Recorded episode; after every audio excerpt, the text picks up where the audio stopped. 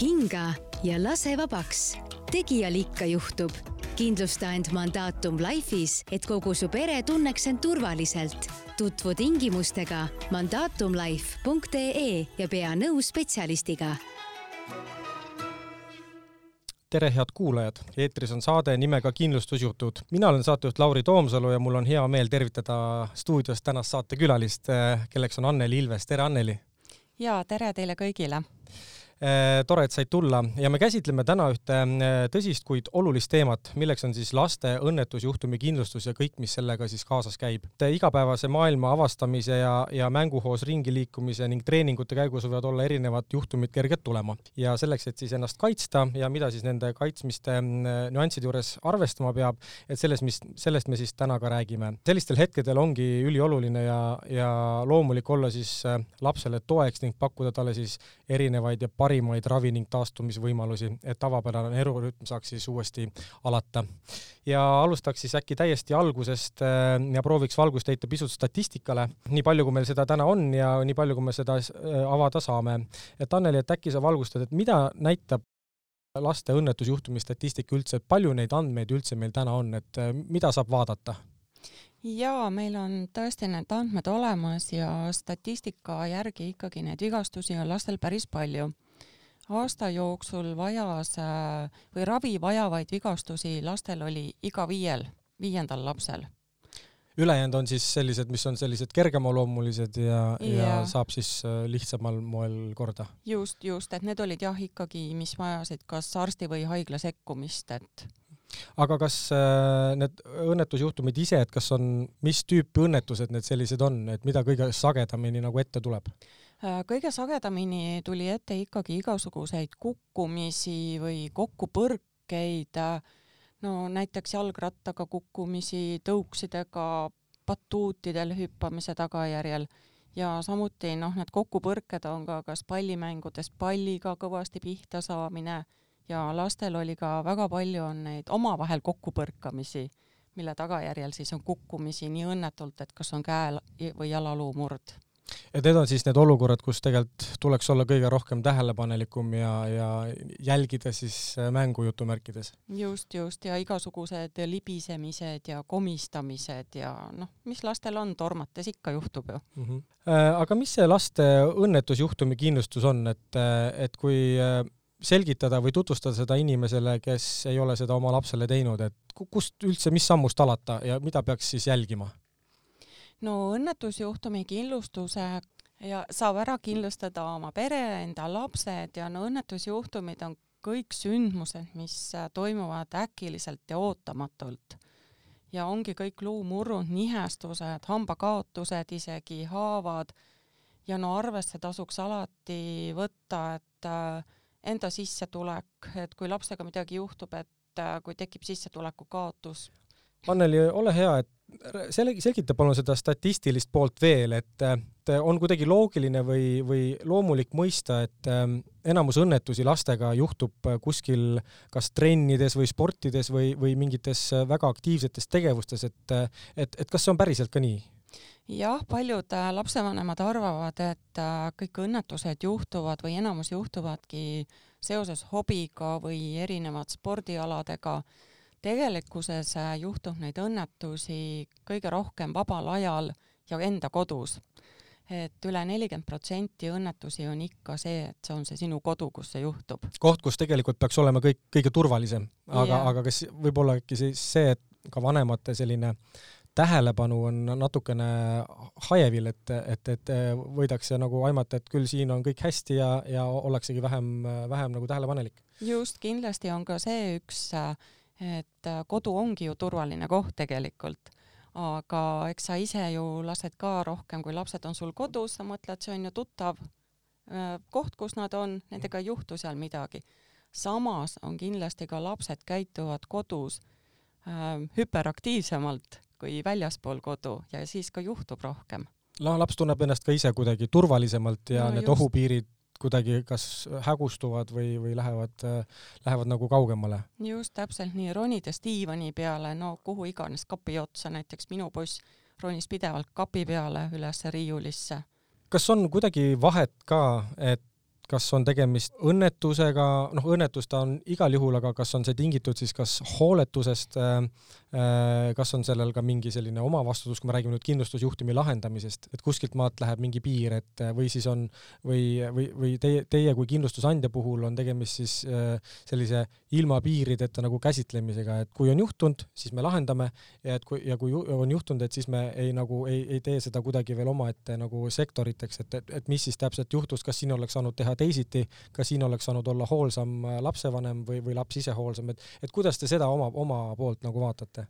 ei, seda me tõesti ei erista, et kas nüüd on äh, laps olnud lohakas või lapsevanem hooletu ja laps on selle tagajärjel kukkunud.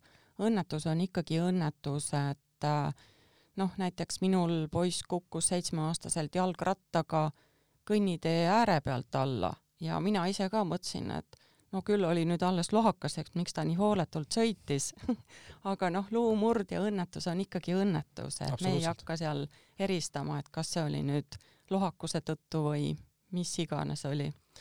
aga kui nüüd äh, võtta veel siit äkki kaks-kolm sammu tagasi, et äh, et mi-, mida me mõistame lapse all, et meil on noh, Eestis ongi erinevalt, et kes on lapsed, kes on noorukid, siis on täiskasvanud ja siis on seeniorid ja, ja, ja mis iganes terminid veel, et et kuidas kindlustusandja vaatevinklist, et mis on, kes on laps? jah, meie selle järgi ei vaata, et kui näiteks seaduse järgi kaheksateistaastane on juba täisealine, meie toome välja, et lastekindlustuse saab sõlmida alates teisest elukuust kuni kahekümne viienda eluaastani on see kehtiv, kakskümmend viis siis kaasa arvatud. täiesti täiskasvanud inimene juba tegelikult. jaa, mhm. et sellega siis ongi, et üks lapsevanem äh, peab olema meie klient elukindlustuse näol, väike elukindlustus ja siis ta saab sinna alla lisada oma neli last kas kakskümmend viis on ka mingi põhjusega, et ta teil nii kõrge on, et äh, see vist on tegelikult kindlustusseltsiti erinev, et äh, kuidas seda määratakse? Jaa, see on väga erinev, et, et eks iga kindlustusselts on selle erinevalt määranud, kuidas, aga meie oleme jah, lähtunud sellest, et kakskümmend viis võiks olla veel see, et kes on nagu vanemakindlustusega seotud, sest paljud ju õpivad ja võib-olla ei ole ka rahaliselt võimalik ise iseennast ära kindlustada, et siis ongi see lastekindlustus, mis jätkub nii kaua. aga kuidas ennast üldse kaitsta selle õnnetusjuhtumi eest, et äh, on mingid erinevad äh, noh, pakett on võib-olla siuke totter sõna või et, et, et kas on nagu erinevad mingid äh, kaitse, mingisugused äh, kas tasemed või erinevad kaitseliigid, et, et mille vastu siis äh, kaitsta on võimalik? Noh, ütleme nii, et äh, õnnetuse eest meid äh, mitte keegi ei saa ennast ära kaitsta, ei lapsi, ei lähedasi, mitte kedagi. pigem on kindlustuse mõte ikkagi tekitada endale ja perele turvatunne, et sul on majanduslik äh, kindlustunne, et kui nüüd tõesti minuga või minu lastega midagi juhtub, siis oleme meie need, kes tuleme appi ja maksame hüvitist aga üks, üks on siis, ongi see õnnetusjuhtumi kindlustus, et jah, et kas on, kas on midagi veel, mille vastu nagu kus me peatume selle saate teises pooles täpsemalt, eks ju, aga kas on mingeid liike veel, mida sa sooviksid nagu välja tuua? jah, laste puhul me saame lapse ära siis kindlustada traumade puhul ja püsivad puuded näiteks, mis tekivad läbi traumade, õnnetuste ja ka kriitilised haigused, et kriitilised haigused on selline raske teema, millest nagu lapsevanemad eriti ei soovi suhelda, rääkida, aga noh, neid tuleb ka ette lastele, et äh, ka selle puhul on meil kindlustuskaitse olemas. ja kuidas te seda riski seal hindate, et äh, kui mina kui lapsevanem soovin siis äh, seda kindlustust teha, et, et mis see järgmine samm on, et ma teen siis kas nii-öelda pöördumise siis kindlustusandja poole ja kuidas see nagu hindamine toimub, et, et mis alustel, kas seal on mingi vanuseline, kas seal mingitel hetkedel muutub midagi, kui laps saab vanemaks või kuidas see, kuidas see nagu välja näeb? Äh, laste puhul vanusega hind ei muutu, et nagu ma ütlesin, teisest elukuust kuni kakskümmend viis eluaastat. on stabiilselt ühtemoodi? ühtemoodi, just täpselt nii, et äh, riskid me hindame ära nii, et mida see laps sellel hetkel teeb, ehk mis hobid tal on. kui ta on kahekuune, siis ilmselgelt tal ei ole hobisid. Ja ongi standardhind kui see kahekuune lapsel kasvab nüüd suuremaks, no näiteks äh, kaheksa-aastaselt äh, hakkab jalgpalliga tegelema, siis meie riske uuesti ümber ei, ei hinda just, ehk see tähendab seda, et hind ei muutu. ehk siis, kui vahetab ka jalgpallist motokrossile, see toimub see mingi üleminek teisele alale, siis äh, see teie puhul ei ole, ei oma mingit rolli? ei oma, ei oma, et ei pea meid teavitama sellest ja las laps tegeleb ja proovib igasuguseid asju, mis hing ihkab, et aitäh, Anneli, teeme siit ühe kiire pausi ja oleme mõne hetke pärast tagasi. hinga ja lase vabaks, tegijal ikka juhtub kindlusta end Mandatum Life'is, et kogu su pere tunneks end turvaliselt. tutvu tingimustega mandatumlife.ee ja pea nõu spetsialistiga. ja me oleme pausilt tagasi ja jätkame siit oluliste teemadega. Äh, ja võtakski ette uued, äh, uued punktid. kuidas, Anneli, äkki sa selgid, kuidas kindlustatud lapse puhul selline vanema majanduslik toimetulek nagu välja näeb, et, et äh, raske võib-olla nagu selgitada, aga, aga eks noh, me elame kõik materiaalses maailmas ja mingil hetkel on vaja selle lapsega nagu ka kodus olla, et kas siis teha mingit taastusravi või on, ta peab lihtsalt olema mm, puhkama, et ja kuna tegemist on lastega, siis äh, on vanema nii-öelda juuresolek ja valve igal juhul nagu oluline, et aga et aga kuidas see majanduslik pool välja näeb, et äh, vanem peab võtma kas mingi haiguslehe, seal on äh, veel vähendatud töötasud ja nii edasi, et kuidas see kõik seal kokku mängib? jah, kui laps nüüd haigestub, et äh, kui rääkides kriitilistest haigustest, siis või õnnetusjuhtumi tagajärjelgi, kui lapsevanem võtab haiguslehe, siis kahjuks need sissetulekud jah kukuvad, sest Haigekassa maksab meil kaheksakümmend protsenti töötasust aasta omast ja siin ongi siis see, et kus meie maksame siis äh, lapsevanemale hüvitist. et äh, selle raha ta saab siis ära kasutada enda nägemuse järgi, on see siis mingid finantskohustused, lapse taastusravi, et äh, kuigi küll Eesti riigilt on ju lastele ka erinevaid taastusravivõimalusi ja ravivõimalusi, aga järjekorrad on pikad. kipuvad olema. just et siis võid äh, kasutada seda raha näiteks eriarsti jaoks, tasulise arsti jaoks. kas see, ma saan aru, et see nii-öelda see tasu äh, selle juhtumi puhul makstakse siis välja ühe korraga, et, et see ei jagune mingiteks episoodideks, et, et äh, on see, on mul õigus? jaa, see läheb väljamaksmiseks ühe korraga ja nagu ütlesin, igaüks kasutab seda oma nägemuse järgi ära, milleks just sellel hetkel vaja on kuigi meil ei pea lapse, kui me rääkisime sellest haiguslehel olemisest, siis meil ei ole nõutud, et just lapsevanem peab jääma haiguslehele. noh, muidugi alati hea oleks, et ta jääks oma lapsega koju. aga teie puhul see ei ole oluline? et, et võib-olla näiteks ka vanavanem? täpselt nii, et või õde-vend vanem just, just. aga oluline on, et oleks täiskasvanud inimene siis pigem?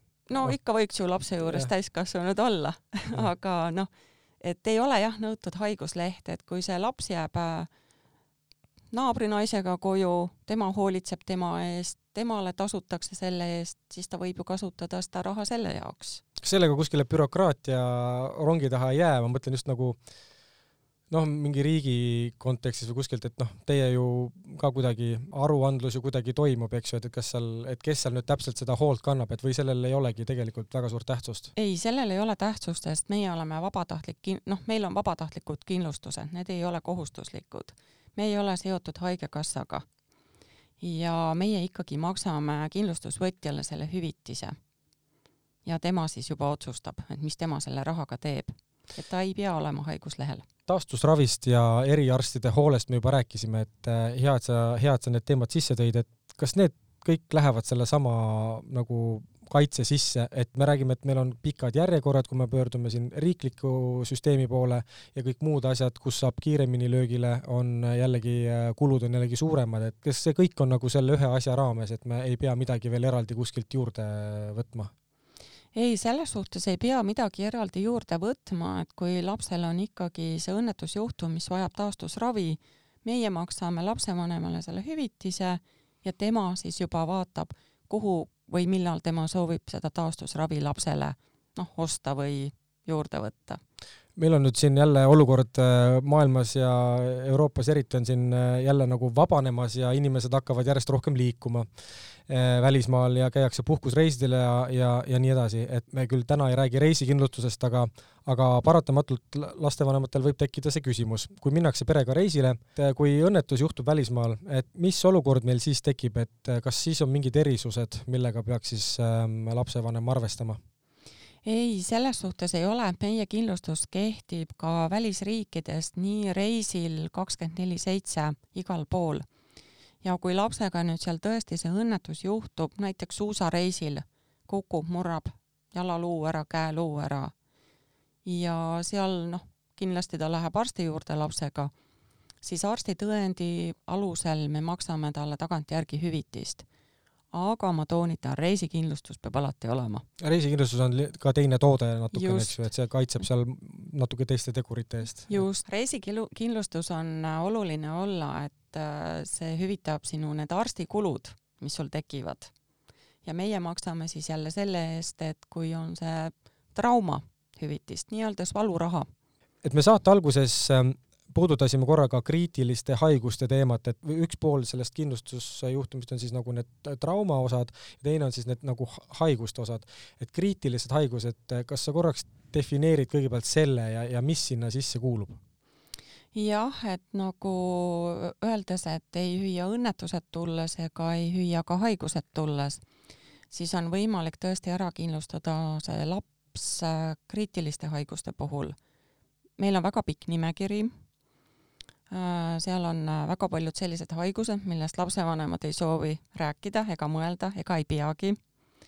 Äh, näiteks vähk läheb sinna alla ja samuti läheb ka sinna alla, kui lapsel nüüd tekib läbi haiguse või õnnetuse täielik ja püsiv puue, siis samuti saab kriitiliste haiguste puhul hüvitist aga tuleks korraks sellise teema juurde nagu suurpered, et pered, kus on siis kui ma nüüd ei eksi, siis Eesti seadusest tulenevalt kolm, vähemalt kolm või enam last, eks ju. et kas äh, suurperede puhul äh, on, on teie puhul ka, teie kui kindlustusandja puhul ka mingid erisused või mingid soodustus, soodustingimused või mingid muud nüansid, mida oleks hea teada? jaa, suurpered on tõesti need kolm või enam last ja meil on väga hea meel see aasta, me teeme koostööd Eesti Lasterikaste Perede Liiduga ja pakumegi neile siis soodustust, et noh, teadaolevalt, kui on ikka peres palju lapsi, on ka palju kulutusi. et siis nad saavad meie kaudu soodsamalt äh, kindlustuse endale, enda lastele. et kui perekaardi omanik on ja siis on kõik näha, need tingimused meie Suurperede Liidu kodulehekülje peal väga tore ja ma küsin nüüd viimase küsimuse siia saate lõppu, et ähm, kui ma nüüd olen selle äh, kindlustuskaitse osas huviline ja, ja nii-öelda valmis seda sõlmima oma, oma lastele, et mis mu esimene samm peaks olema, kuhu ma pöördun, kas pean ma tulema kontorisse üldse? ei pea kontorisse tulema, et esimeseks peaks ikkagi jah, pöörduma meie nõustajate poole ja nendega siis koos läbi arutama, mis äh, sinu enda jaoks on oluline, millised riskid on vaja ära katta millised on finantskohustused, palju neid lapsi on, palju peres üldse liikmeid on ja mis on hobid, ametid, kõik läbi rääkida ja siis juba koos saamegi vaadata, et ma märkasin teie kodulehel ka ühte vahvat kalkulaatorit, kas kalkulaatorist ma saan sellise üsna pigem täpse ülevaate, et äh, mida see, see nii-öelda koostöö siis kindlustusandjaga nagu endast kujutada võib, et kas see annab mulle piisava info sealt? Jah, see annab selle info, kui äh, klient on äh, terve, tal ei ole kroonilisi haiguseid, tal ei ole ekstreemhobisid ja amet on ka rahulik kontoritöö, siis ta saab oma hinna sealt väga täpselt kätte. kui on juba mingid ekstreemsused, siis peab kindlasti meiega veel üle rääkima, et kas seal tekivad mingid välistused või hind tõuseb või aga selle noodiga me siit ka võtame saate otsad vaikselt kokku. Äh, head kuulajad, aitäh teile kõigile. saade oli Kindlustusjutud. Äh, meil oli külas täna Anneli Ilves Mandatum Life'ist, aitäh sulle, Anneli, tulemast! ja meie saadet saab kuulata Delfi taskukeskkonnast, Spotify'st ja Apple podcast'ist. olge ikka meiega ja järgmise korrani, aitäh! hinga ja lase vabaks.